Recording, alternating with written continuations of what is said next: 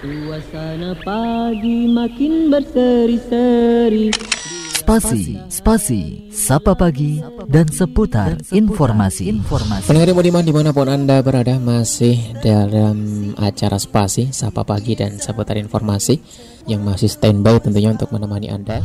Di tahun 2019 wajib sertifikasi halal semua produk segera diterapkan. Ya ini tentang produk halal.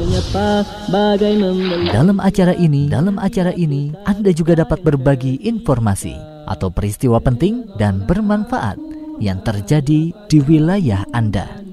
Selamat mengikuti, selamat mengikuti. Redalah aku hanya padamu dan limpahan nikmat di bumi ini. Keindahan alam, keindahan Islam Kemanisan iman, nikmat yang disyukurkan. Persada kecintaan, takwa jadi hiasan Biarpun kehinaan di mata insan Segala keperitan jadi rencah perjuangan. Itulah sunnatullah dari zaman Rasulullah. Biarpun tumpah air mata dan darah Tak peduli demi cinta ilahi. Redalah aku hanya padamu Dan kurniaan kehidupan Rabbani Redalah aku hanya padamu Dan limpahan nikmat di bumi ini.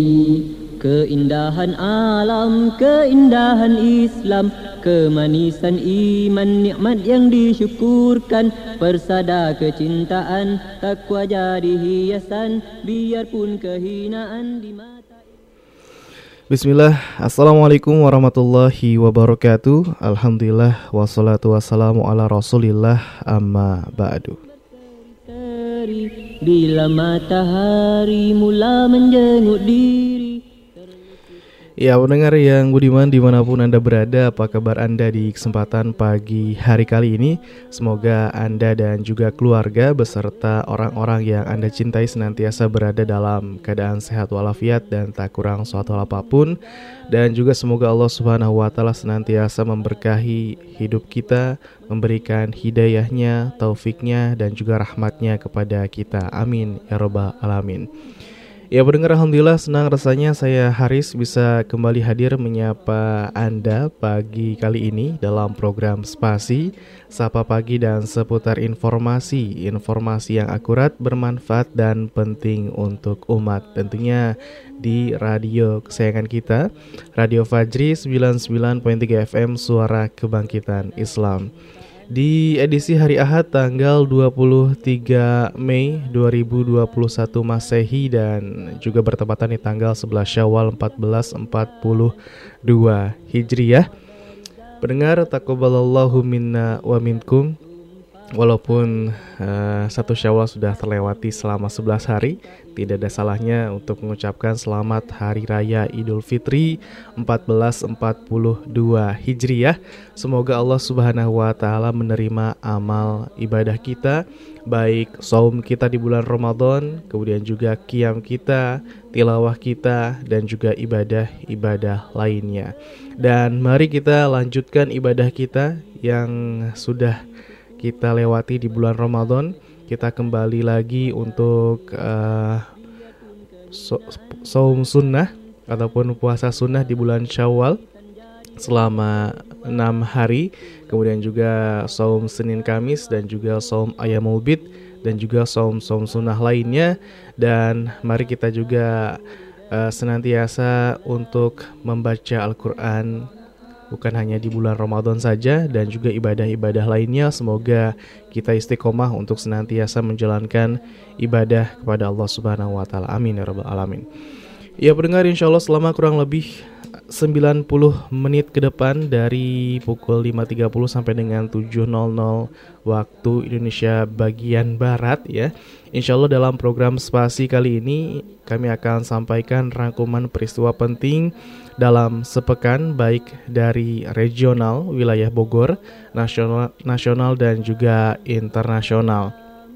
Dan pendengar dalam acara ini pun Anda dapat berbagi informasi ataupun peristiwa penting dan juga bermanfaat yang terjadi di wilayah Anda.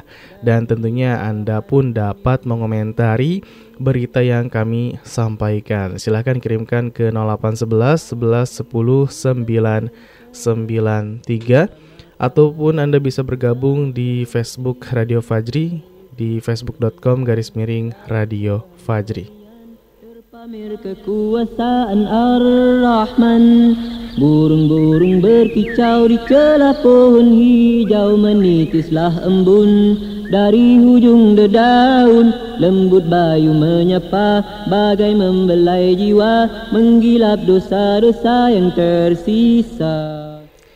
Ya baik pendengar di mana pun berada berikut uh, informasi yang insya Allah akan kami sampaikan ke ruang dengar Anda dari wilayah Bogor. Informasi berkaitan dengan bela Palestina Ratusan warga kota Bogor turun ke jalan Dan juga ada informasi lainnya masih dari wilayah Bogor Tepatnya dari Kabupaten Bogor. Penghubung desa Sukawening dan desa Ciapus putus. Dan juga informasi selanjutnya tambang ilegal diduga jadi penyebab banjir bandang di Cigudeg. Biarpun tumpah air mata dan darah dan mendengar informasi nasional juga ada masih berkaitan dengan informasi perkembangan dari Palestina. Dilaporkan DMI Dewan Masjid Indonesia serukan masjid galang sumbangan untuk Palestina. Dan juga selanjutnya Majelis Ulama Indonesia menyatakan bela Palestina merupakan amanat konstitusi Indonesia. Dan masih berkaitan dengan informasi Palestina pendengar sering hapus unggahan terkait Palestina, rating Facebook anjlok. Informasi selanjutnya juga Indonesia serukan tiga langkah akhiri krisis di Palestina.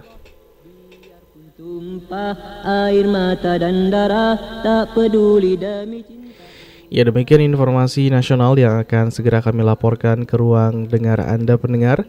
Dan juga ada informasi internasional di antaranya dilaporkan warga Gaza gembira sambut genjatan senjata. Juga informasi lainnya dilaporkan tentara Zionis tembak jemaah sholat Jumat di Masjidil Aqsa di tengah genjatan senjata. Dan pendengar informasi ataupun kabar gembira bagi Anda pendengar dilaporkan Arab Saudi akhirnya buka haji untuk jamaah luar negeri. Dan masih dari Arab Saudi pendengar Arab Saudi mulai jajaki dialog dengan Iran Kemudian juga Forum Zakat Dunia berharap dana Ziswap bisa bantu Palestina. Masjid tua di Uttar Pradesh dibongkar, Muslim India protes. Dan informasi selanjutnya dilaporkan pasang bendera Palestina. Seorang Muslim India ditangkap polisi. Dan juga insya Allah informasi terakhir dilaporkan ribuan warga Suriah gelar demo menentang pemilu yang digelar Basar Asad. Terpamer kekuasaan Ar-Rahman. Burung-burung berkicau di celah pohon hijau Menitislah embun dari hujung Ya pendengar demikian judul berita ataupun headline news yang insya Allah akan segera kami laporkan ke ruang dengar Anda Baik dari nasional, internasional dan juga dari regional wilayah Bogor. Dan mendengar dalam acara ini pun Anda dapat berbagi informasi atau peristiwa penting dan bermanfaat yang terjadi di wilayah Anda.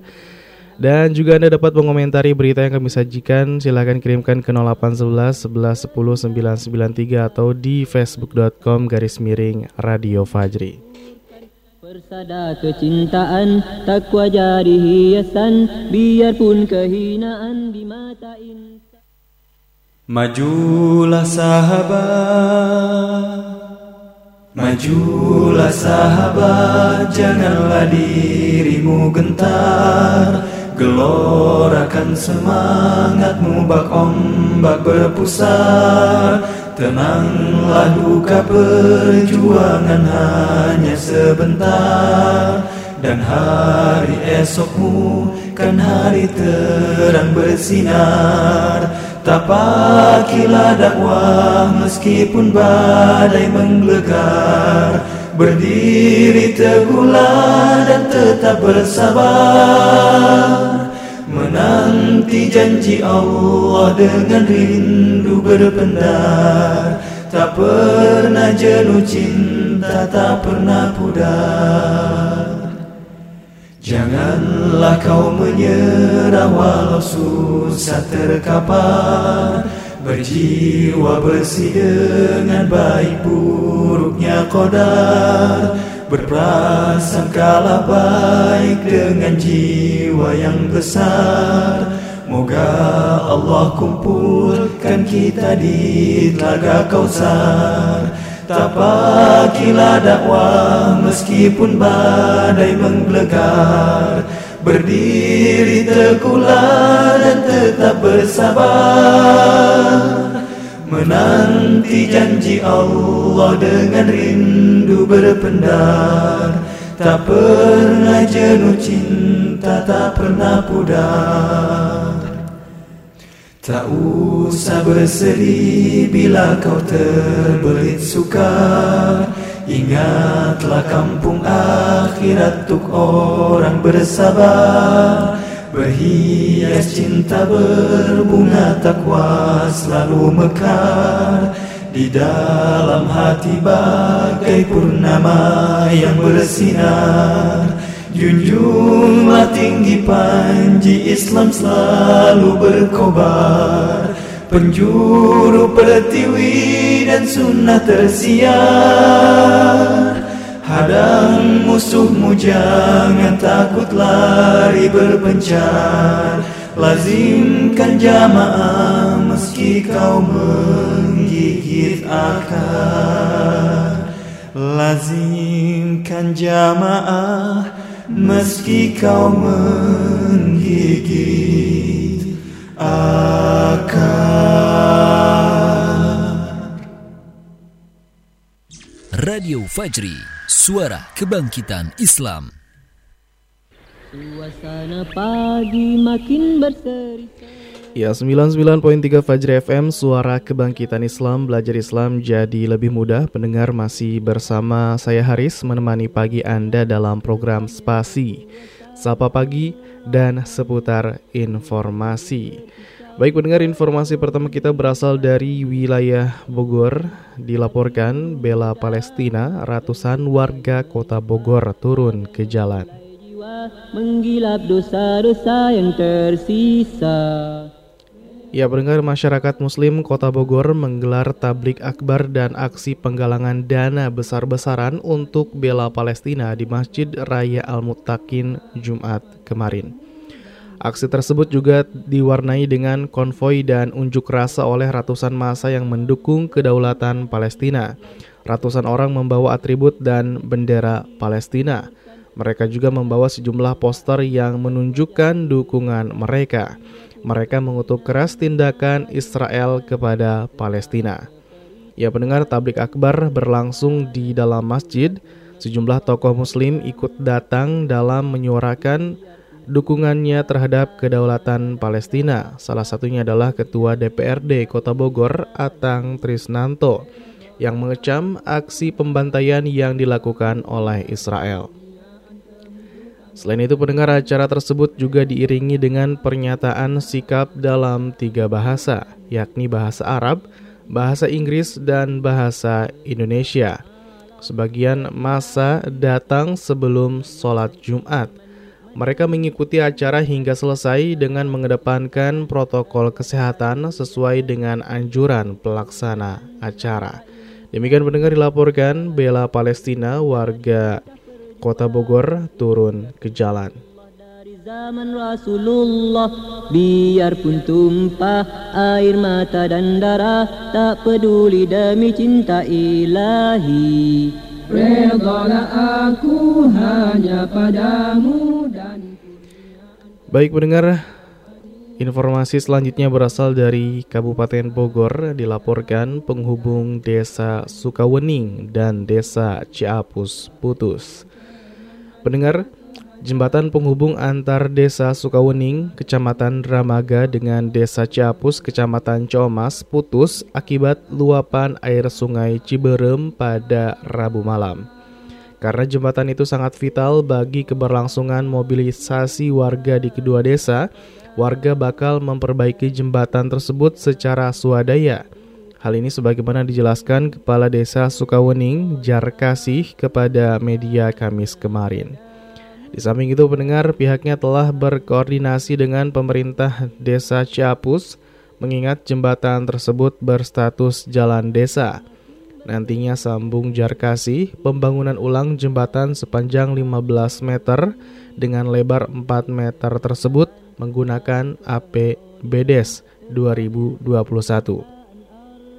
Dilaporkan menurut data yang dilansir Badan Penanggulangan Bencana Daerah atau BPBD Kabupaten Bogor, luapan aliran air Sungai Ciberem juga merendam pemukiman warga di Desa Ceherang, Kecamatan Dramaga, dan Desa Ciapus, Kecamatan Ciomas. Sebanyak 151 kepala keluarga menjadi korban bencana banjir tersebut. Sementara di Desa Ciapus, aliran Kali Cibinong meluap kurang lebih 120 cm sehingga berdampak ke 12 rumah yang berada di kampung Bojong Sari. Demikian pendengar dilaporkan penghubung Desa Sukawening dan Desa Ciapus putus. Biarpun kehinaan di mata insan. Segala keperitan jadi rencah perjuangan. Itulah sunnatullah dari zaman Rasulullah. Biarpun tumpah air mata dan darah. Ya pendengar yang budiman di mana pun Anda berada informasi selanjutnya masih dari wilayah Kabupaten Bogor. Setelah tadi ada uh, bencana berupa rusaknya jembatan di perbatasan des dua desa. Selanjutnya masih berkaitan dengan informasi berikutnya dilaporkan tambang ilegal diduga jadi penyebab banjir bandang Cigudeg. Ya, pendengar banyaknya perusahaan tambang ilegal diduga menjadi penyebab bencana banjir bandang yang terjadi di Kecamatan Cigudeg pada Senin kemarin. Pemkap Bogor akan segera mengkaji dan menindaklanjuti jika hal tersebut benar adanya. Hal ini sebagaimana dijelaskan Bupati Bogor Adi Yasin saat meninjau lokasi bencana banjir bandang di Kampung Kedaung Hilir, Desa Rengas Jajar pada Rabu kemarin. Menurutnya pendengar perlu ada kajian yang mendalam ap apakah bencana tersebut memang disebabkan oleh aktivitas tambang yang ada di sekitar Sungai Cidangher Sungai Cidangder. Meskipun begitu, Ade Yasin meminta pihak-pihak terkait untuk bekerja sama bila mana ditemukan adanya pertambangan ilegal. Terpisah, Kepala Desa Rengas Jajar, Rusli, menepis kabar adanya pertambangan ilegal di wilayahnya. Dirinya meyakini banjir bandang yang terjadi disebabkan oleh curah hujan yang tinggi dari hulu sungai Cidangder. Selain itu pendengar dirinya mengaku belum mendapat laporan adanya pertambangan ilegal di desanya. Dari delapan perusahaan tambang batu andesit yang aktif, semuanya memiliki izin usaha pertambangan. Demikian pendengar dilaporkan tambang ilegal diduga jadi penyebab banjir bandang Cigudeg.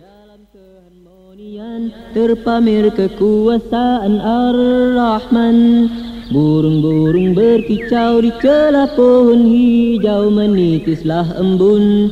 Dari hujung dedaun Lembut bayu menyapa bagai membelai jiwa Menggilap dosa-dosa yang tersisa. Redalah aku hanya padamu Ya baik mendengar demikian informasi dari regional wilayah Bogor Di antaranya tadi ada informasi berkaitan dengan bela Palestina Ratusan warga kota Bogor turun ke jalan Dan juga informasi uh, bencana alam ya Yaitu banjir bandang di wilayah kecamatan Dramaga dan juga kecamatan Ciomas Yang menyebabkan jembatan rusak. Dan insya Allah para warga akan segera memperbaiki jembatan tersebut secara swadaya dan juga banjir bandang juga akibat sungai meluap di wilayah Kecamatan Cigudeg. Semoga Allah Subhanahu wa taala berikan kesabaran ya bagi para korban dan juga semoga Allah Subhanahu wa taala berikan ganti jika ada harta yang rusak ataupun hilang ya karena uh, banyak sekali korban dan di wilayah Desa Sukawening dan Ciapu saja 151 kepala keluarga menjadi korban banjir bandang tersebut.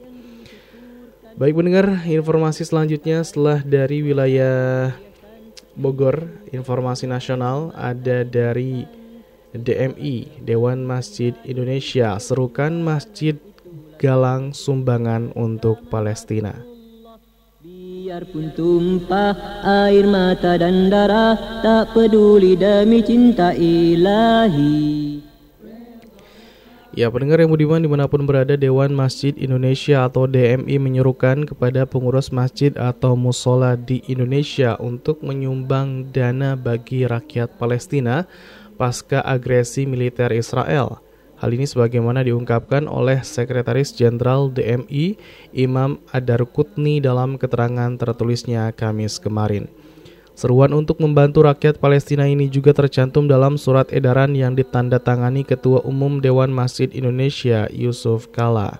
Dalam surat tersebut, DMI mengajak agar masjid atau musola turut menyumbang sedikitnya Rp50.000 demi membantu rakyat Palestina.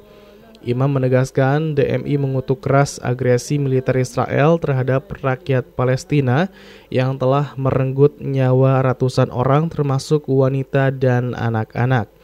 Secara tegas bahwa pengusiran dan agresi militer tersebut bertentangan dengan resolusi Dewan Keamanan PBB dan hukum humaniter internasional. Demikian pendengar dilaporkan DMI serukan Masjid Galang Sumbangan untuk Palestina. Kicau di celah pohon hijau menitislah embun. Dari hujung dedaun lembut bayu menyapa. Bagai membelai jiwa menggilap dosa-dosa yang tersisa. Redalah aku hanya Ya baik pendengar yang budiman di mana pun Anda berada berkaitan dengan galang dana untuk Palestina Mari kita merdekakan Palestina dengan jihad harta Anda Pray for Palestina. Rasulullah SAW bersabda barang siapa yang berusaha melapangkan suatu kesusahan kepada seorang mukmin dari kesusahan-kesusahan dunia, maka Allah akan melapangkannya dari suatu kesusahan di hari kiamat. Dan barang siapa yang berusaha memberikan kemudahan bagi orang yang kesusahan, maka Allah akan memberikan kemudahan baginya di dunia dan juga di akhirat. Hadis riwayat Muslim. Ya pendengar bagi Anda yang ingin menyalurkan donasi Anda untuk uh, membantu saudara-saudara kita di Palestina yang sedang dijajah oleh Zionis Israel atau orang-orang Yahudi, silahkan bisa salurkan melalui rekening BNI Syariah 0183 3083 12 atas nama Hasmi Harokah Himpunan Ahlus Sunnah untuk Masyarakat Islam. Silahkan bisa di untuk info lebih lanjutnya dan konfirmasi bisa hubungi 0821 1166 6677 0821 1166 6677 Baik mendengar, setelah informasi dari DMI Dewan Masjid Indonesia juga masih dari nasional. Informasi selanjutnya dilaporkan Majelis Ulama Indonesia menyatakan bela Palestina merupakan amanat konstitusi Indonesia. Ya, mendengar Komisi Hubungan Luar Negeri dan Kerjasama Internasional Majelis Ulama Indonesia Bunyam Sabtomo menyatakan bahwa membela Palestina merupakan amanat konstitusi. Pernyataan Majelis Ulama Indonesia tersebut keluar untuk menanggapi pernyataan Jenderal AM Hendro Priyono soal Palestina. Sebelumnya Hendro Priyono menyatakan Palestina dan Israel bukan urusan Indonesia, melainkan urusan mereka bangsa Arab dan Yahudi. Bunya menyampaikan bahwa pemerintah telah menetapkan kebijakan membela bangsa Palestina yang masih menderita karena penjajahan Zionis Israel. Bunyam juga menanggapi munculnya netizen Indonesia yang membela Israel. Ia melihat adanya upaya Israel dan kaki tangannya untuk menggiring opini mendukung Israel. Ini merupakan upaya terstruktur dari Zionis Israel dalam perang opini. Oleh karena itu pendengar punya mengajak setiap muslim menggunakan memanfaatkan gadget dalam upaya jihad menyebarkan kebenaran melawan Zionis dan Islamophobia. Ia juga menegaskan bahwa setiap ketukan jari untuk dukungan ini akan memperoleh pahala dari Allah Subhanahu wa taala. Demikian pendengar dilaporkan Majelis Ulama Indonesia menyatakan bela Palestina merupakan amanat konstitusi Indonesia. Keindahan Islam, kemanisan iman, nikmat yang disyukurkan, persada kecintaan, takwa jadi hiasan, biarpun kehinaan di mata insan. Segala keperitan jadi rencah perjuangan Itulah sunnatullah dari zaman Rasulullah Biarpun tumpah air mata dan darah Tak peduli demi cinta ilahi. Redalah aku hanya padamu dan kurniaan kehidupan Rabbani.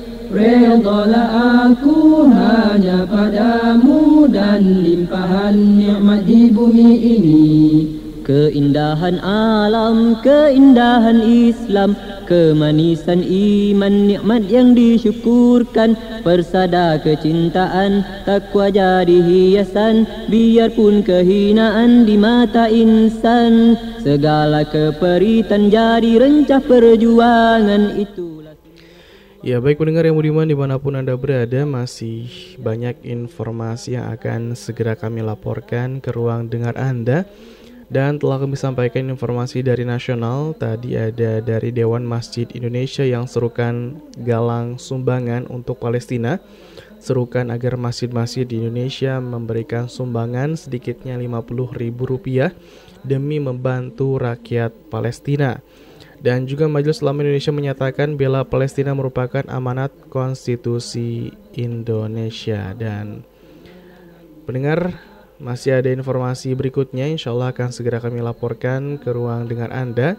Dan juga masih ada kesempatan bagi Anda yang ingin ikut bergabung untuk menyampaikan informasinya ataupun uh, peristiwa penting dan juga bermanfaat yang terjadi di wilayah Anda. Ada informasi apa silahkan bisa Anda kirimkan dan juga yang ingin mengomentari informasi yang telah kami sampaikan pun silahkan bisa disampaikan. Tadi sudah kami sampaikan informasi berkaitan dengan warga Bogor yang turun ke jalan untuk membela Palestina.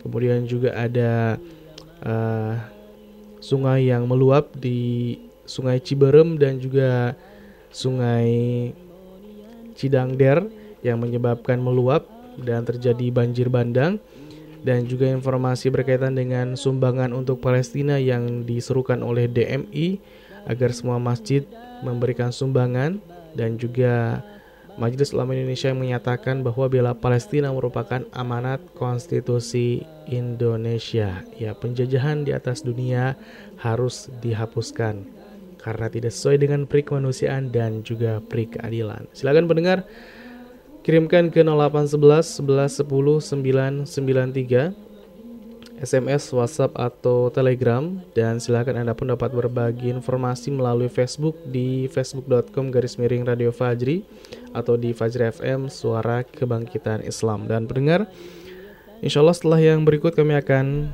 kembali. Untuk Anda tetap stay tune di Radio Fajri 99.3 FM Suara Kebangkitan Islam.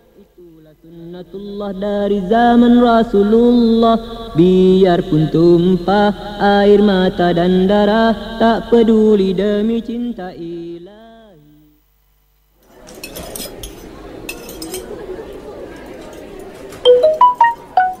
Masya Allah, Masya Allah, Barokallahu fiq Kenapa ah? Ini pesan broadcast dari Radio Fajri Wah, aneh kok nggak dapet ya? Padahal Aneh pendengar setia juga nih. Udah daftar belum? Lebih dekat dengan Radio Fajri, belajar Islam jadi lebih mudah. Daftarkan diri Anda, update informasi seputar keislaman dan dapatkan nasihat, gambar, dan video islami dari Radio Fajri. Serta jadilah agen penebar hidayah.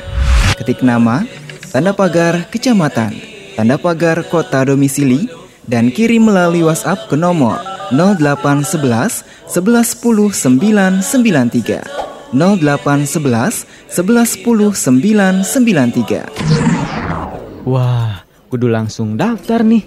Iyalah, daftar buruan. Dan jangan lupa ah, pakai WhatsApp ya, bukan pakai SMS.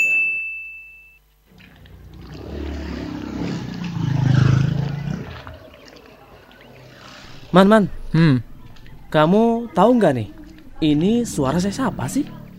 coba putar, saya mau denger nih. Ini nih. Coba kamu denger ini. Nih aku putar ya. Hmm, Tuh.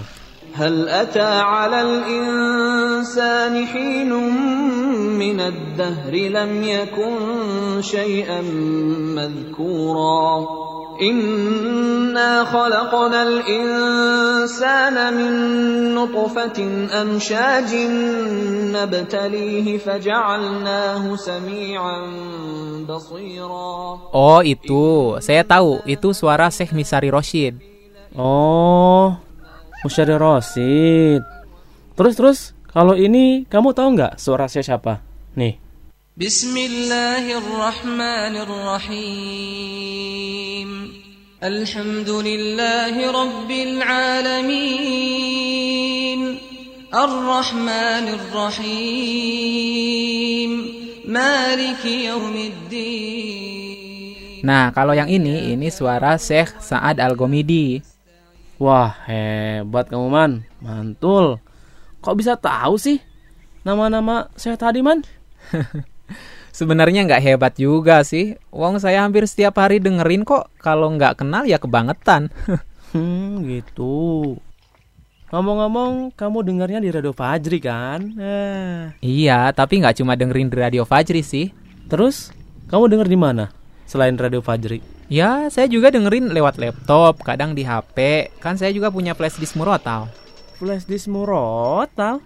Emang apa bedanya dengan flash disk yang lain? Jadi, kalau flash disk murotal itu di dalamnya berisi MP3 Al-Quran dari kori-kori ternama. Hmm. Makanya saya tahu pas tadi kamu tanya. Oh gitu. Kalau gitu, saya juga mau dong flash disk murotal Quran. Belinya di mana man? Saya belinya di Radio Fajri. Oke, saya mau beli ah. Eh, ngomong-ngomong produknya apa cuma flash disk murotal doang? Atau ada yang lainnya nih man? Bervariasi sih Ki, ada CD murotal, ada memory card murotal, ada juga flash disk murotal. Masya Allah. Mantap betul tuh man. Rasakan kebahagiaan dengan mendengarkan lantunan Al-Quran. Miliki segera produk murotal Quran dari kori-kori ternama. Insya Allah akan membantu Anda mendengarkan Al-Quran kapan pun dan di mana pun Anda berada. Anda bisa memilikinya dalam bentuk CD, memory card, dan flash disk. Untuk info harga dan pemesanan, hubungi nomor WhatsApp 0857 993 993 98. Sekali lagi, 0857 993 993 98. 100% keuntungan untuk dakwah Islam Radio Fajri.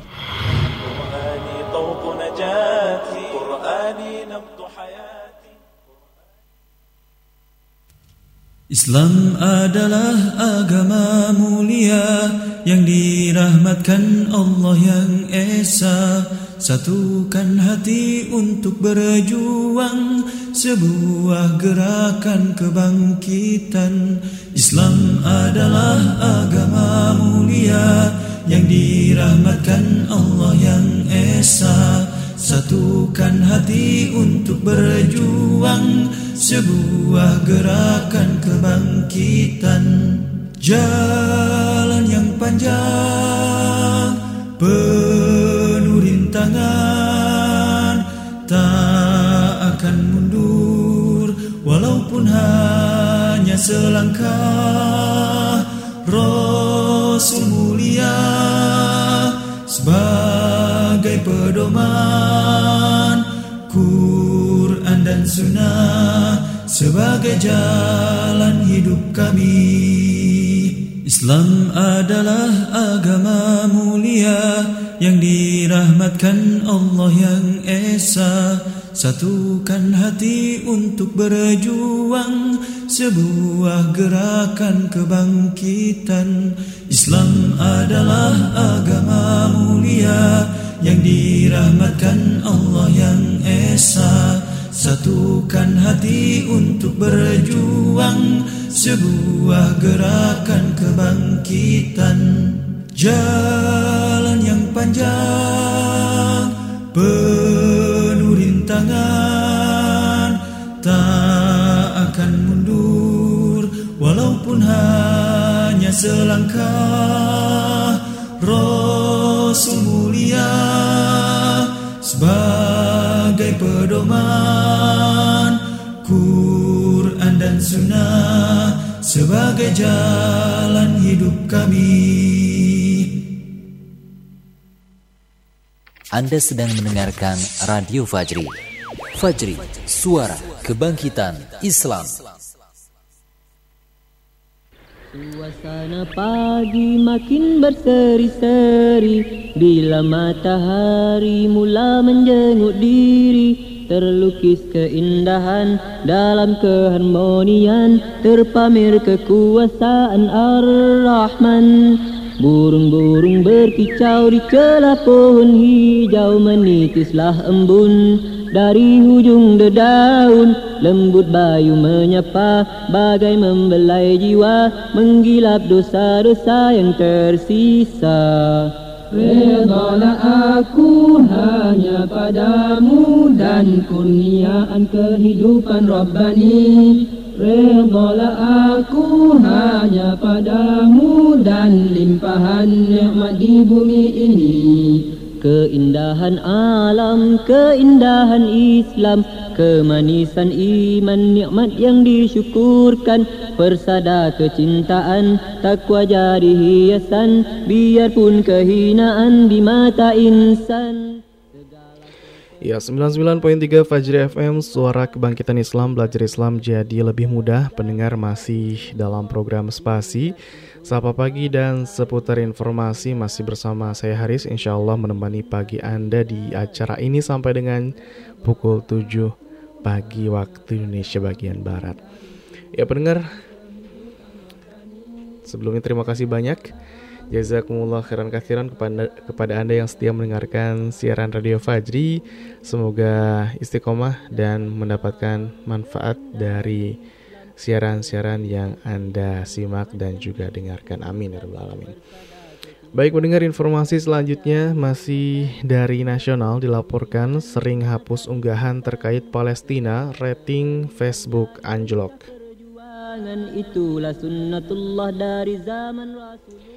Ya dilaporkan Facebook diserbu ulasan bintang 1 Pasalnya warganet kesal karena Facebook sering menghapus setiap unggahan terkait agresi ke Palestina. Mereka melampiaskan protes dengan memberikan penilaian satu bintang untuk aplikasi Facebook di Google Play Store. Akhirnya Facebook yang semulanya ratingnya berada di atas 4 bintang kini anjlok ke angka 2,4 Kolom komentar pun jadi sasaran ungkapan kekecewaan pengguna atas kebijakan Facebook yang dinilai tidak adil. Kampanye untuk memberikan bintang satu kepada aplikasi Facebook di Play Store terus berlanjut di media sosial sebagai bentuk protes terhadap kebijakan Facebook dan dukungan terhadap Palestina. Seruan tersebut disambut antusias oleh pengguna dari berbagai negara, terutama Indonesia dan Malaysia. Demikian pendengar dilaporkan sering hapus unggahan terkait Palestina, rating Facebook anjlok. Bila matahari mula menjenguk diri Terlukis keindahan dalam keharmonian Ya, baik pendengar informasi selanjutnya masih dari dalam negeri dilaporkan Indonesia serukan tiga langkah akhiri krisis di Palestina. Dari ujung dedaun Ya, Menteri Luar Negeri Retno menyerukan kepada Majelis Umum PBB untuk mengambil tiga langkah nyata untuk mengakhiri krisis di Palestina oleh akibat agresi kejam Israel. Seruan itu disampaikan pada debat terbuka sidang Majelis, Majelis Umum Perserikatan Bangsa-Bangsa yang mengangkat isu Palestina Kamis waktu setempat. Langkah pertama menghentikan kekerasan dan aksi militer Israel untuk mencegah jatuhnya lebih banyak korban jiwa. Kedua, memastikan akses kemanusiaan dan perlindungan rakyat sipil ia juga menyerukan Majelis Umum PBB bersama dengan Badan PBB terkait dan pihak lain untuk meningkatkan upaya dalam memberikan bantuan kemanusiaan kepada rakyat Palestina yang terdampak. Ketiga pendengar, Retno mendorong negosiasi multilateral yang kredibel. Negosiasi yang kredibel sangat penting dalam memajukan perdamaian yang adil dan komprehensif berdasarkan solusi dua negara dan sejalan dengan parameter internasional yang telah disetujui. Dia menjelaskan pertemuan ini dilakukan untuk memastikan agar bangsa Palestina mendapatkan keadilan. Masyarakat internasional diserukan untuk berkomitmen dan bersatu dalam upaya melawan seluruh aksi ilegal yang dilakukan oleh Israel dalam menghentikan pendudukan di Palestina. Demikian pendengar dilaporkan Indonesia serukan tiga langkah akhiri krisis di Palestina. Biarpun tumpah air mata dan darah Tak peduli demi cinta ilahi Redalah aku hanya padamu Dan kurniaan kehidupan Rabbani. Redalah aku hanya padamu dan limpahan nikmat di bumi ini Wahai teman-teman majulah ke hadapan. Islam takkan kalah begitu janji Allah. Kemenangan milik kita Syahid adalah cita Syahid adalah cita. Ya baik pendengar yang budiman di mana pun berada informasi selanjutnya berasal dari dunia internasional. Dilaporkan warga Gaza gembira sambut genjatan senjata. Ya pendengar Israel dan Hamas sepakat untuk melakukan genjatan senjata pada Jumat mulai pukul 2 dini hari waktu setempat. Genjatan senjata ini disambut gembira oleh warga Gaza. Sebagaimana diketahui, warga Palestina telah berada dalam ketakutan karena menghadapi serangan Israel selama 11 hari. Setelah pengumuman genjatan senjata, warga Gaza membanjiri jalan-jalan pada Jumat pukul 2 waktu setempat untuk menyambut dimulainya genjatan senjata. Di antara mereka meneriakan kalimat hamdalah dan takbir sebagai rasa syukur. Mobil memenuhi jalan-jalan utama di Gaza Para pengemudi beramai-ramai membunyikan klakson. Sebagian besar warga mengibarkan bendera Palestina di jalan-jalan. Bahkan dari jendela kediaman mereka, hal ini meningkat Hal ini mengingatkan pada kegembiraan dalam menyambut genjatan senjata dan pembebasan tahanan di masa lalu. Ya pendengar, di kota Ramallah yang diduduki Israel, Ratusan orang turun ke jalan sebagai rasa gembira atas genjatan senjata di Gaza. Letupan kembang api menyala di Sheikh Jarrah, Yerusalem Timur. Pendudukan Palestina yang penduduk Palestina yang tinggal di Sheikh Jarrah sebelumnya telah mengalami pengusiran paksa oleh pemukim Israel. Hal ini menjadi salah satu faktor meletusnya serangan Israel di Gaza. Hamas mulai menembakkan roket ke Israel pada 10 Mei 2021 sebagai pembalasan atas tindakan Israel yang merampas hak warga Palestina untuk beribadah di Masjidil Aqsa selama bulan Ramadan. Selain itu, Israel juga telah mengusir paksa warga Palestina yang tinggal di wilayah Sheikh Jarrah. Demikian mendengar warga Gaza gembira sambut genjatan senjata. Insan Segala keperitan jadi rencah perjuangan. Itulah sunnatullah dari zaman Rasulullah Biarpun tumpah air mata dan darah Tak peduli demi cinta ilahi. Redalah aku hanya padamu dan kurniaan kehidupan Rabbani. Redalah aku hanya padamu. Ya baik mendengar informasi selanjutnya dilaporkan tentara Zionis tembak jemaah sholat Jumat di Masjidil Aqsa di tengah genjatan senjata. Pendengar genjatan senjata Israel dan Palestina ternoda, tentara Zionis menembak para jemaah yang baru saja melaksanakan sholat Jumat di Masjidil Aqsa pada Jumat kemarin. Kejadian bermula saat ribuan umat Islam melaksanakan sholat Jumat di Masjidil Aqsa. Setelah sholat Jumat, jemaah merayakan genjatan senjata antara Israel dan Palestina. Dalam video amatir yang beredar, tampak tentara Israel berlari masuk ke area Masjidil Aqsa mengejar para jemaah yang baru selesai melaksanakan sholat Jumat. Kantor berita resmi Palestina, Wafa, mengutip para saksi mata yang mengatakan setelah sholat Jumat, jemaah tetap berada di kompleks masjid untuk merayakan genjatan senjata di Gaza mengakhiri pertempuran 11 hari. Namun polisi Israel menyerbu kompleks dan mulai melepaskan tembakan peluru karet dan gas air mata ke arah jemaah. Setidaknya 15 orang terluka karena tembakan peluru karet sementara lainnya karena gas air mata atau pukulan polisi. Petugas medis Palestina mengatakan kepada kantor berita Reuters sekitar 20 warga Palestina terluka.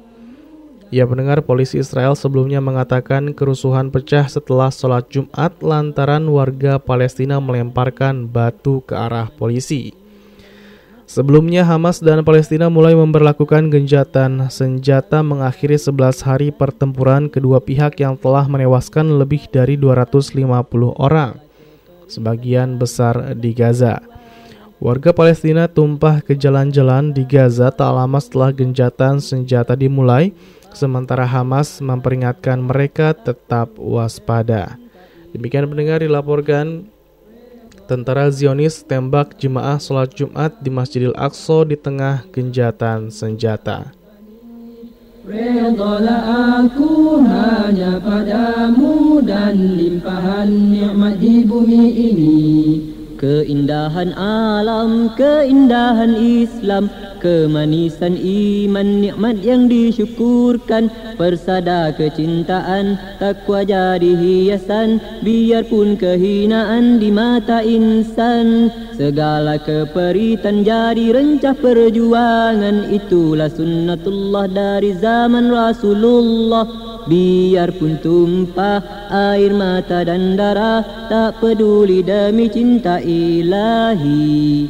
Redalah aku hanya padamu dan kurniaan kehidupan Rabbani. Redalah aku hanya padamu dan limpahan nikmat di bumi ini Wahai teman-teman majulah ke hadapan. Islam takkan kalah begitu janji Allah. Kemenangan milik kita syahid Ya baik mendengar informasi selanjutnya berasal dari Arab Saudi. Dilaporkan Arab Saudi akhirnya buka haji untuk jemaah luar negeri. Mendengar kerajaan Arab Saudi akhirnya mengizinkan jemaah dari luar negeri melaksanakan ibadah haji tahun ini Menurut surat kabar Al-Watan, pelaksanaan haji dilakukan di bawah aturan kesehatan yang ketat dan tindakan pencegahan untuk mengekang penyebaran virus COVID-19. Pengumuman tersebut mengikuti keputusan Kementerian Haji dan Umroh pada 9 Mei untuk melanjutkan haji tahun ini. Pelaksanaan operasional haji dilakukan dengan langkah kesehatan dan keamanan untuk menjaga kesehatan dan kesejahteraan jamaah.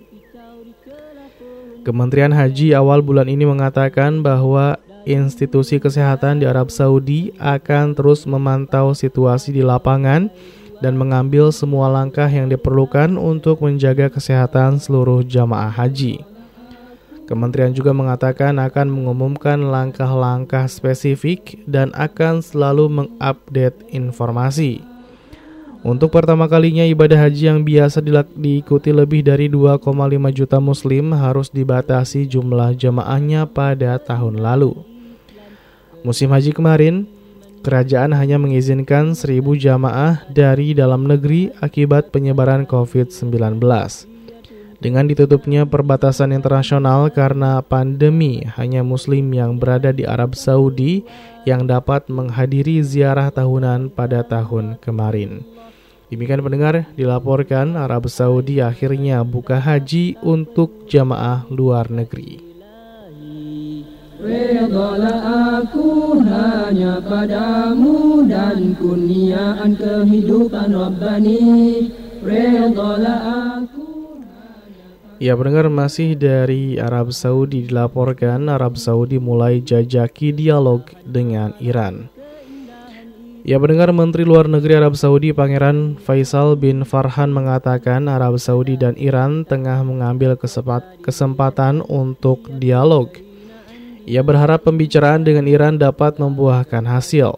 Namun dia mengakui saat ini kedua negara masih dalam tahap awal dialog. Hal ini sebagaimana dikatakan Pangeran Faisal di Paris pada Selasa kemarin. Sebelumnya pemerintah Iran mengonfirmasi kabar tentang adanya pembicaraan dengan Arab Saudi.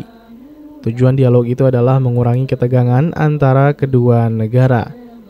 Hal ini sebagaimana diakui juru bicara Kementerian Luar Negeri Iran, Said Hatib Zadeh dalam konferensi pers virtual pada 10 Mei lalu. Ia mendengar ia mengungkapkan negaranya menyambut pembicaraan dengan rekan-rekan regionalnya, regionalnya termasuk Saudi. Putra mahkota Arab Saudi Pangeran Muhammad bin Salman telah mengatakan negaranya bercita-cita memiliki hubungan yang baik dengan Iran.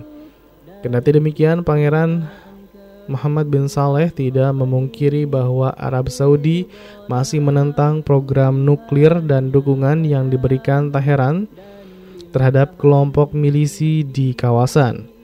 Pada 18 April lalu, Financial Times menerbitkan laporan yang menyebut bahwa pejabat tinggi Saudi dan Iran telah melakukan pertemuan di Baghdad, Irak.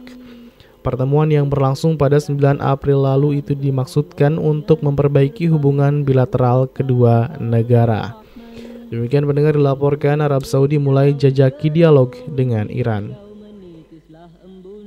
Dari hujung dedaun lembut bayu menyapa Bagai membelai jiwa Menggilap dosa-dosa yang tersisa. Redalah aku hanya padamu Dan kurniaan kehidupan Rabbani. Redalah aku hanya padamu Dan limpahan nikmat di bumi ini Ya baik pendengar informasi selanjutnya dilaporkan Forum Zakat Dunia berharap dana Ziswaf bisa bantu Palestina. Dilaporkan Forum Zakat Dunia menghimbau seluruh pihak untuk memaksimalkan seluruh sumber daya untuk membantu Palestina. Pengumpulan zakat, infak, sedekah, dan wakaf atau Ziswaf selama ini telah menjadi sumber kekuatan dalam mendukung pengembangan masyarakat. Hal ini sebagaimana diungkapkan Sekretaris Jenderal Forum Zakat Dunia Zainul Bahar Nur dalam keterangan pers yang diterima Kamis kemarin. Forum Zakat Dunia menyerukan kepada semua bangsa di seluruh dunia untuk mengecam tindakan atas kebrutalan Israel. Lebih lanjut, Zainul Bahar menyatakan bahwa kejahatan genosida yang selama ini dilakukan telah menyebabkan banyak penderitaan merenggut nyawa warga sipil, tak terkecuali perempuan dan anak-anak yang tidak berdosa, serta menghancurkan rumah dan fasilitas umum di Palestina. Demikian pendengar dilaporkan, Forum Zakat Dunia berharap dana Ziswaf bisa bantu Palestina. Sunnatullah dari zaman Rasulullah Biarpun tumpah air mata dan darah Tak peduli demi cinta ilahi Redalah aku hanya padamu dan kurniaan kehidupan Rabbani. Redalah aku hanya padamu dan limpahan nikmat di bumi ini Wahai teman-teman majulah ke hadapan. Islam takkan kalah begitu janji Allah. Kemenangan milik kita Syahid adalah cita Syahid adalah cita. Ridalah aku hanya padamu Dan kurniaan kehidupan Rabbani Ridalah aku hanya padamu. Dan limpahan nikmat di bumi ini. Suasana pagi makin berseri-seri. Bila matahari mula menjenguk diri Terlukis keindahan dalam keharmonian. Terpamer kekuasaan Ar-Rahman Burung-burung berkicau di celah pohon hijau Menitislah embun. Dari hujung dedaun Lembut bayu menyapa. Bagai membelai jiwa Menggilap dosa-dosa yang tersisa. Redalah aku hanya padamu dan Ya baik pendengar yang beriman di mana pun Anda berada pukul 6.30 waktu Indonesia Barat Insya Allah kebersamaan kita 30 menit lagi di acara spasi kali ini. Dan masih ada beberapa informasi lagi di antaranya adalah informasi dari India. Masjid di Uttar Pradesh dibongkar Muslim India protes. Dan juga pasang bendera Palestina seorang Muslim India ditangkap. Dan juga informasi terakhir dari Suriah Ribuan warga Suriah gelar demo menentang pemilu yang digelar Basar Asad. Baik pendengar silakan Anda dapat bergabung untuk mengirimkan informasi ataupun peristiwa penting yang terjadi di wilayah Anda dan juga Anda pun dapat mengomentari informasi-informasi yang kami sajikan di kesempatan kali ini. Silakan kirimkan melalui SMS, WhatsApp atau Telegram di 0811 11 10 993 atau di Facebook Fajri FM Suara Kebangkitan Islam. Dan pendengar sebelum kita lanjutkan ke informasi berikutnya dan juga bacakan informasi ataupun pesan dari Anda, kita akan simak terlebih dahulu 5 faktor penyebab kemunduran umat Islam dalam Cakrawala Islam.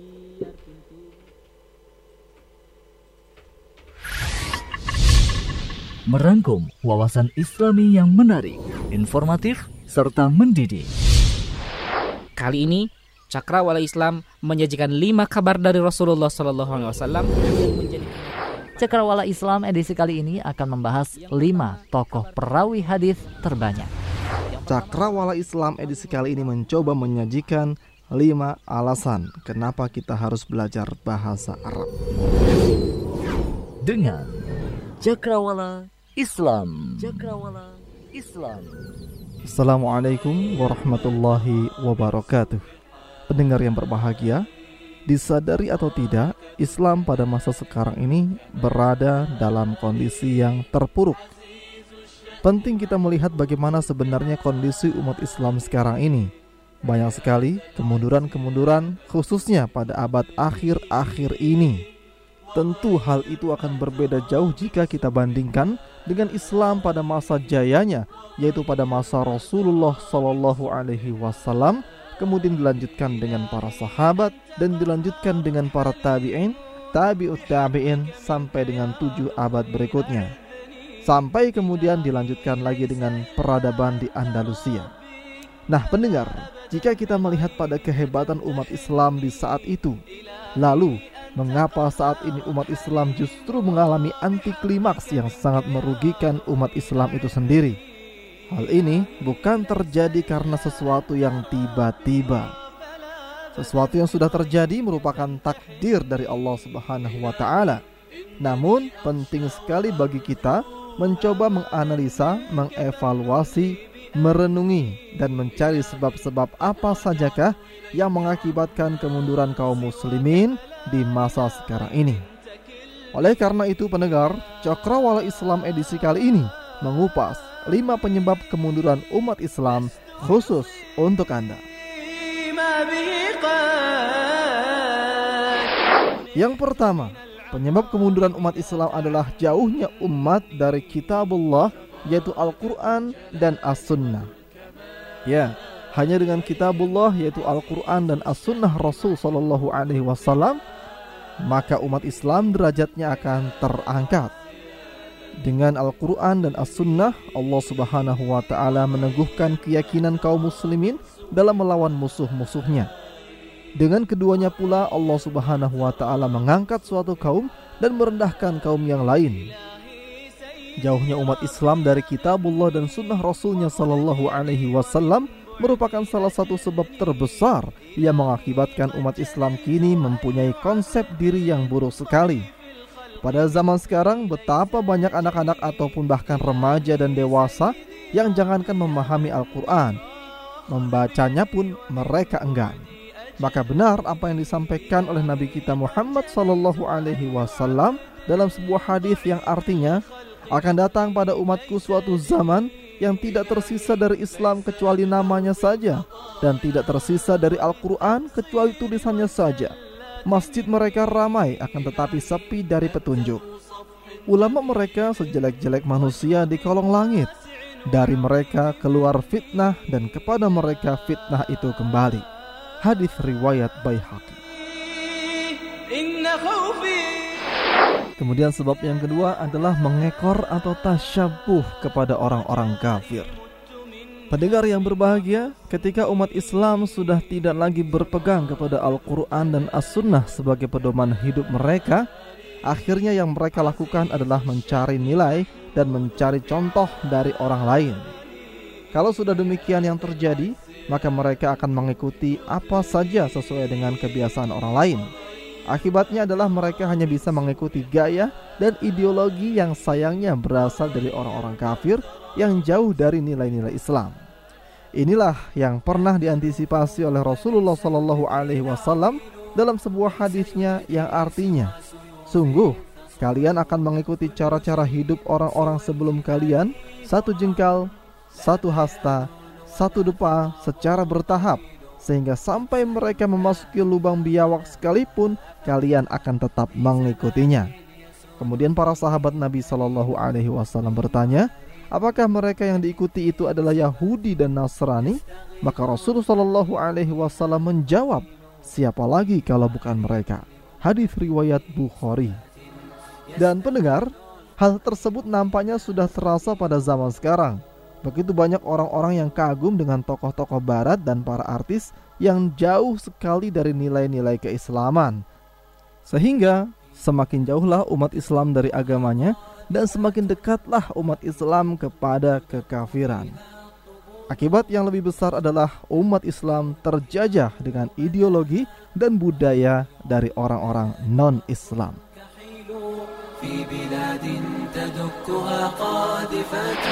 Dan yang ketiga pendengar terjadinya perpecahan di kalangan umat Islam. Ya, Rasulullah Shallallahu Alaihi Wasallam sudah mengabarkan bahwa umat ini, umat Islam akan terpecah menjadi 73 kelompok keagamaan. Kemudian Rasulullah Shallallahu Alaihi Wasallam mengatakan hanya ada satu yang benar, yaitu man kana ala ma ana alaihi wa ashabi yaitu orang-orang yang mengikuti Rasul dan para sahabatnya. Nah, para pendengar di mana saja Anda berada, ketika sebuah aliran muncul dalam Islam, tentu hal ini akan melemahkan persatuan umat Islam. Sebab tak sedikit di antara aliran-aliran yang ada dalam Islam, mereka saling menyerang satu sama lain.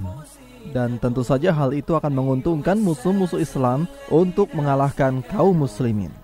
Bahkan salah satu sebab runtuhnya khilafah Islamnya terakhir di Turki yakni kemunculan aliran-aliran sesat yang sangat merugikan kekhilafahan serta melemahkan akidah dan semangat jihad kaum muslimin. Kemudian faktor yang keempat adalah adanya pertempuran yang selalu berlangsung dan terus berlangsung antara al-haq dan al-batil, yakni kebenaran versus kesesatan. Pendengar, musuh-musuh umat Islam menggunakan berbagai macam cara untuk menghancurkan kaum muslimin. Mereka itu dari berbagai macam kelompok, yaitu orang-orang yang tidak beragama atau ateis, kemudian Yahudi, musyrikin, Nasrani, dan agama-agama lainnya yang ada di muka bumi yang mereka itu semua lebih tepatnya dikatakan al-kafirun. Mereka orang-orang kafir. Imam Ash-Syafi'i di dalam tafsir Ibnu Kathir dalam menafsirkan surah Al-Kafirun mengatakan, apa pun jenisnya, kekufuran merupakan satu pokok ajaran. Mereka meskipun berbeda-beda agama akan bersatu padu untuk membangun satu kesepakatan dan konspirasi yang selanjutnya mereka menggunakan berbagai macam sarana untuk menghancurkan ajaran tauhid yaitu ajaran Islam. Di dalam surat Al-Baqarah, Allah Subhanahu wa taala juga telah memperingati kaum muslimin. Walan tardo ankal yahudu walan nasara hatta tattabi'a millatahum. Tidak akan ridho orang-orang Yahudi dan Nasrani kepada kalian wahai umat Islam sampai kalian umat Islam mengikuti ajaran mereka. Kemudian yang terakhir pendengar yang kelima adalah lengahnya umat Islam terhadap konspirasi orang-orang yang ingin menghancurkan umat Islam. Ya, kesadaran terhadap adanya musuh membuat kita semakin peka dan waspada terhadap apa yang sebenarnya telah dirancang dan dilakukan oleh musuh. Namun di saat umat Islam tidak mengetahui siapa musuh mereka sebenarnya, maka mereka tentu tidak akan menyadari rencana dan strategi apa yang digunakan oleh musuh-musuh umat Islam dalam melemahkan dan menjauhkan umat Islam dari kejayaan. Musuh sejati umat Islam adalah setan. Namun tak jarang banyak sekali saudara-saudari kita di kalangan umat Islam tidak menjadikan setan sebagai musuh, bahkan dengan bangga mengikuti ajaran-ajarannya sehingga umat Islam mudah sekali dimurtadkan dari agama. Ya, itulah lima faktor mengapa umat Islam mengalami kemunduran. Oleh karena itu, sebagai jalan keluar dari hal itu semua adalah dengan menjauhkan diri kita dan semua umat Islam dari kelima faktor tersebut. Dengan cara yang pertama adalah mengembalikan seluruh permasalahan hidup kita kepada Al-Quran dan As-Sunnah sesuai dengan pemahaman orang-orang saleh terdahulu sebagaimana yang Imam Malik rahimahullahu taala katakan la yasluha akhir hadhil ummah illa bima saluha bihi awaluha generasi akhir umat ini tidak akan kembali berjaya kecuali dengan apa-apa yang telah mengantarkan kejayaan generasi awal. Artinya pendengar Jauh dekatnya kita dengan pemahaman para generasi awal yaitu generasi kaum muslimin di masa sahabat dan setelahnya akan mempengaruhi kuat dan tidaknya umat Islam saat ini. Demikianlah apa yang bisa kita bahas pada edisi kali ini. Semoga bisa menambah kekuatan dan tekad kita untuk mengembalikan kejayaan Islam dan umat Islam. Wassalamualaikum warahmatullahi wabarakatuh.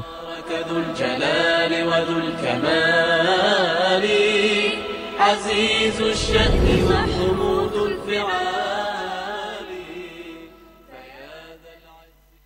Radio Fajri, suara kebangkitan Islam. Suasana pagi makin berseri-seri Bila matahari mula menjenguk diri Terlukis keindahan dalam keharmonian Terpamer kekuasaan Ar-Rahman Burung-burung berkicau di Ya, 99.3 Fajri FM, suara kebangkitan Islam, belajar Islam jadi lebih mudah. Pendengar masih bersama saya Haris dalam program Spasi, Sapa Pagi dan seputar informasi. Pukul 6.42 waktu Indonesia bagian Barat. Informasi selanjutnya pendengar dilaporkan Masjid tua di Uttar Pradesh dibongkar Muslim India protes. Hanya padamu dan limpahan Ya, dilaporkan otoritas negara bagian India Uttar Pradesh dilaporkan telah membongkar sebuah masjid tua. Dilansir Al Jazeera Rabu kemarin, Masjid Gorib Nawas Al Ma'ruf yang berusia 100 tahun dirobohkan Senin malam oleh otoritas tempat. Ratusan polisi dikerahkan untuk menghentikan adanya aksi protes. Dewan Pusat Wakaf Uttar Pradesh yang menjaga masjid dan aset komunitas muslim di, negara bagian itu menyayangkan tindakan tersebut. Dalam pernyataannya, Dewan Wakaf mengatakan tindakan itu melanggar perintah pengadilan yang memutuskan menghentikan pembongkaran sampai 31 Mei mengingat pandemi corona. Hal ini sebagaimana dikatakan Ketua Dewan Wakaf Uttar Pradesh Zufar Ahmad Faruqi. Ya pendengar dilaporkan secara terpisah, Sekjen Dewan Hukum Pribadi Muslim India, Maulana Saifullah Rehmani menyebutkan tindakan pembongkaran tersebut merupakan pelanggaran hukum. Ia mengatakan kepada Al Jazeera bahwa pemerintah telah melarang sholat di masjid selama sebulan terakhir. Maulana Abdul Mustafa, Kepala Distrik Barabanki, mengatakan Masjid Gorib Nawas Al-Ma'ruf di Barabanki dibangun selama pemerintahan Inggris. Masjid itu tercatat dan legal. Sementara kaum muslimin India sholat di dalamnya dalam beberapa dekade. Maulana menambahkan bahwa penghancuran tersebut adalah bentuk penindasan terhadap muslim dan sentimen terhadap agama Islam. Demikian pendengar dilaporkan Masjid tua di Uttar Pradesh dibongkar Muslim India protes. Ridalah aku hanya padamu dan kurniaan kehidupan Ya baik pendengar masih dari India dilaporkan pasang bendera Palestina seorang muslim India ditangkap polisi. Ya dilaporkan akibat memperlihatkan solidaritas untuk warga Palestina. Seorang muslim ditangkap polisi India di distrik Azamag. Dia diduga mengimbau umat Islam untuk memasang bendera Palestina di rumah dan kendaraan setelah sholat Jumat. Dilansir dari Times of India, polisi menangkap Maulana Yasir Akhtar dengan dakwaan pasal pernyataan yang mengarah kepada kejahatan publik. Inspektur Polisi Azag, Azamgar Sudir Kumar Singh menyatakan bahwa Yasir, penduduk Curihar Kasbah Utara di daerah Suraimir, mengibarkan bendera Palestina. Ia juga meminta umat Islam untuk mengibarkan bendera tersebut di atas rumah dan kendaraan mereka setelah sholat Jumat. Demikian pendengar dilaporkan pasang bendera Palestina, seorang muslim India ditangkap polisi kecintaan takwa jadi hiasan biarpun kehinaan di mata insan. Segala keperitan Baik mendengar informasi terakhir kita dilaporkan dari Suriah. Ribuan warga Suriah gelar demo menentang pemilu yang digelar Basar Asad.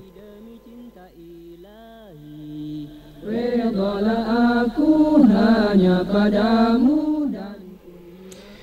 Ya dilaporkan ribuan orang di seluruh Suriah memprotes pemilihan presiden yang akan diadakan rezim Assad. Aksi ini digelar pada Jumat kemarin di kota Al-Bab, Azaz, dan Idlib sebagai pemanasan untuk menentang pemilihan yang akan diadakan pekan depan. Para pengunjuk rasa memegang spanduk bertuliskan boykot pemilu pembunuh anak. Assad tidak memiliki legitima legitimasi dan pemilu rezim ilegal. Seorang demonstran di Idlib, Ridvan Atras, mengatakan kepada Anadolu Agency bahwa pemilu itu menggelar resolusi PBB. Ridvan menyebutkan Basar Asad melakukan pembantaian di seluruh Suriah. Pemilihan presiden sendiri oleh rezim ditetapkan pada 26 Mei. Assad telah menjadi pemenang dalam setiap pemilihan sejak dia mengambil alih kekuasaan pada tahun 2000 sebagai pewaris ayahnya, Hafiz Assad. Menurut Anadolu Agency, keputusan untuk mengadakan pemilihan ditentang karena pihak rezim gagal negosiasi antara oposisi dan rezim. Selain itu hingga kini masih ada lebih dari 10 juta warga Suriah yang menjadi pengungsi sedangkan sekitar 40% negara tidak berada di bawah kendali rezim.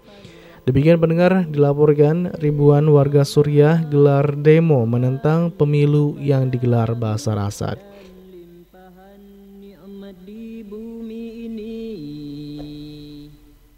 Suasana pagi makin berseri-seri Bila matahari mula menjenguk diri terlukis keindahan Dalam keharmonian terpamer kekuasaan Ar-Rahman. Burung-burung berkicau di celah pohon hijau Menitislah embun.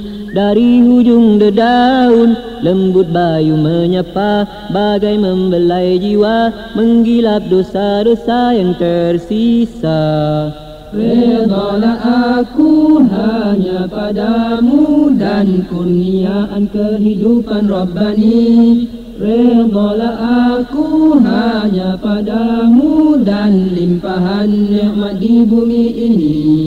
Keindahan alam, keindahan Islam Kemanisan iman, nikmat yang disyukurkan Persada kecintaan, takwa jadi hiasan Ya baik pendengar yang budiman di mana pun Anda berada Alhamdulillah telah tuntas informasi yang kami sampaikan untuk Anda.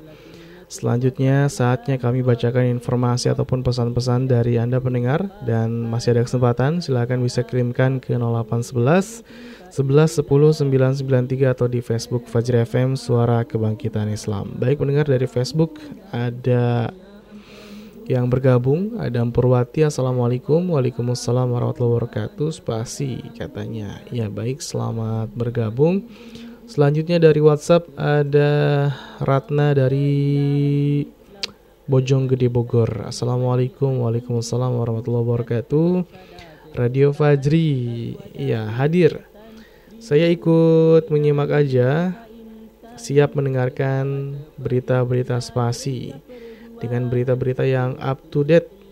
Semoga Radio Fajri tetap eksis. Radio Fajri selalu di hati dan selalu di hati. Dari Ibu Ratna dari Bojonggede Bogor. Iya, masya Allah. Terima kasih sudah ikut uh, bergabung. Selanjutnya masih dari WhatsApp mendengar ada Ibu Iwo di mana di Cibinong ya. Assalamualaikum Kang Haris. Waalaikumsalam warahmatullahi wabarakatuh. Ibu Iwo ikut nyimak aja sambil nyimak. Iya. Jazakallah khair. Wa iya. Baik.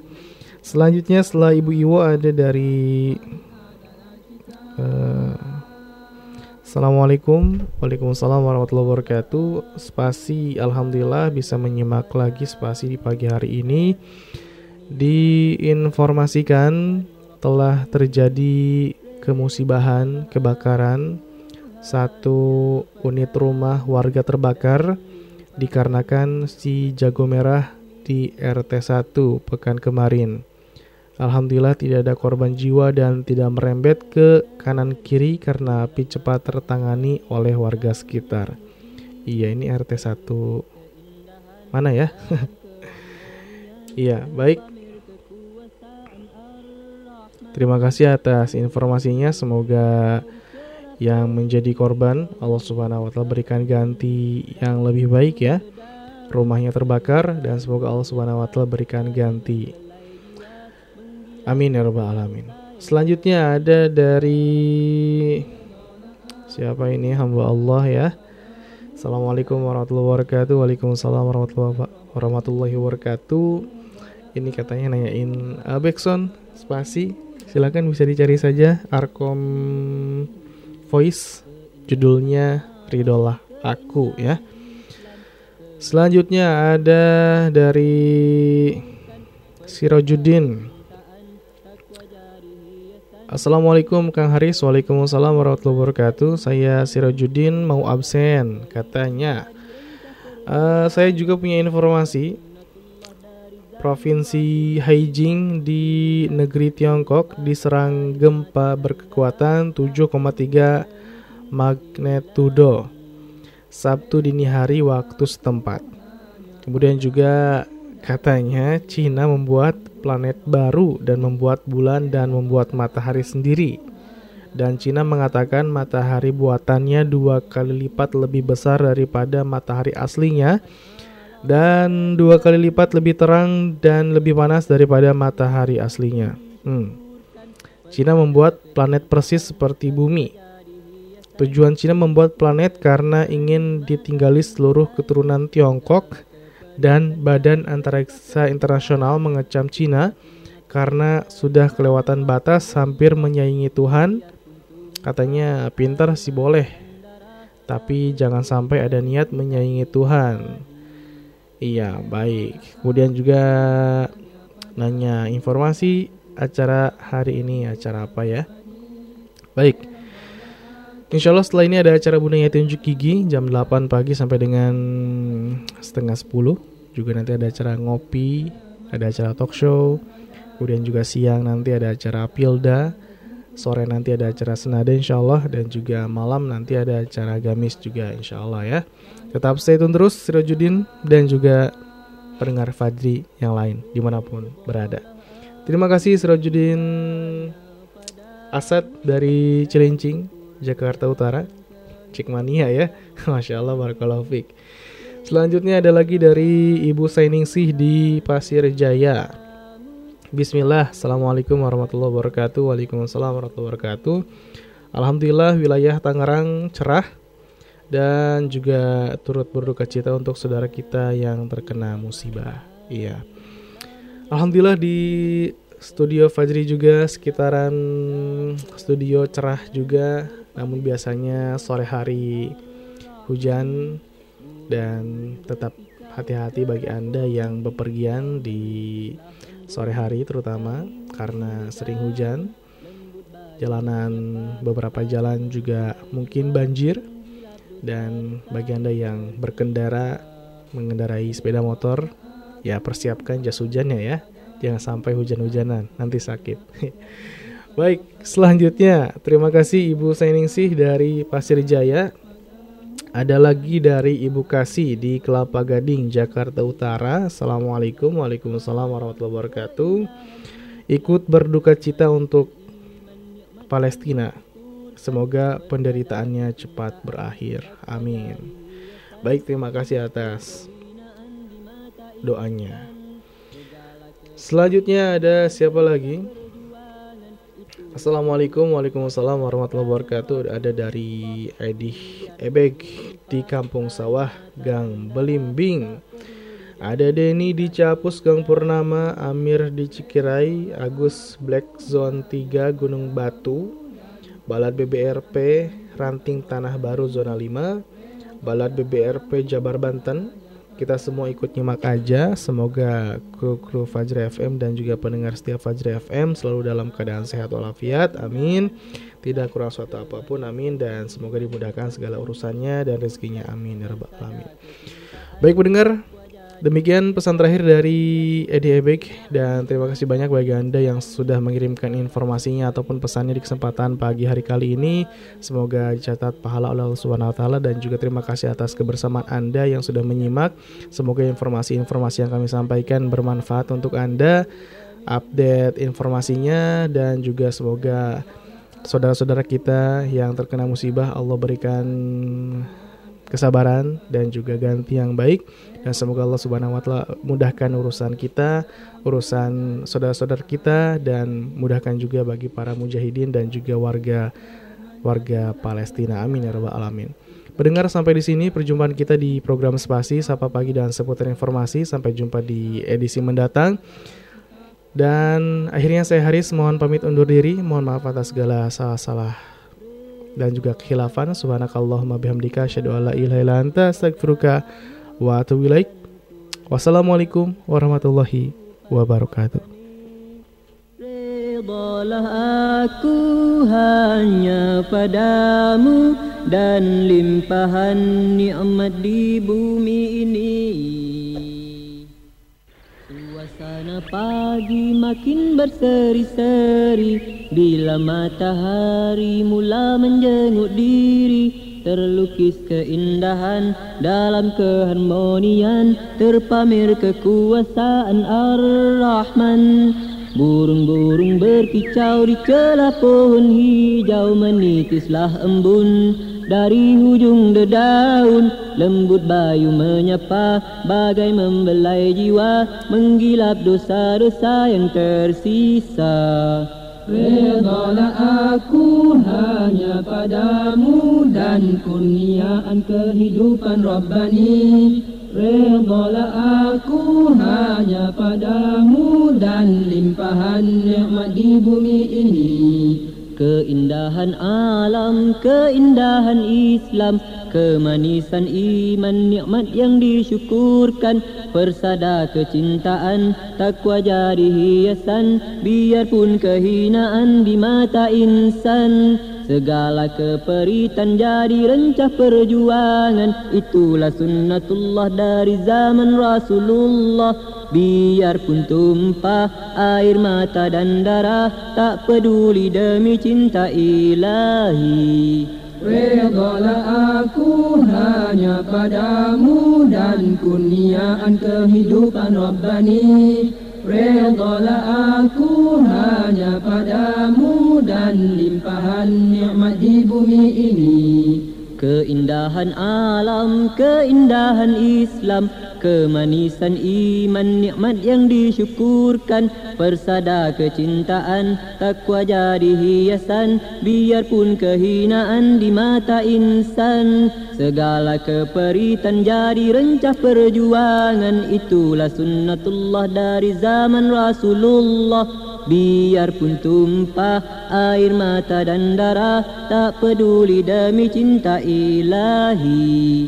Redalah aku hanya padamu dan kurniaan kehidupan Rabbani. Redalah aku hanya padamu dan limpahan nikmat di bumi ini Wahai teman-teman majulah ke hadapan. Islam takkan kalah begitu janji Allah. Kemenangan milik kita Syahid adalah cita Syahid adalah cita. Redalah aku hanya padamu Dan kurniaan kehidupan Rabbani Redalah aku hanya padamu. Dan limpahan nikmat di bumi ini.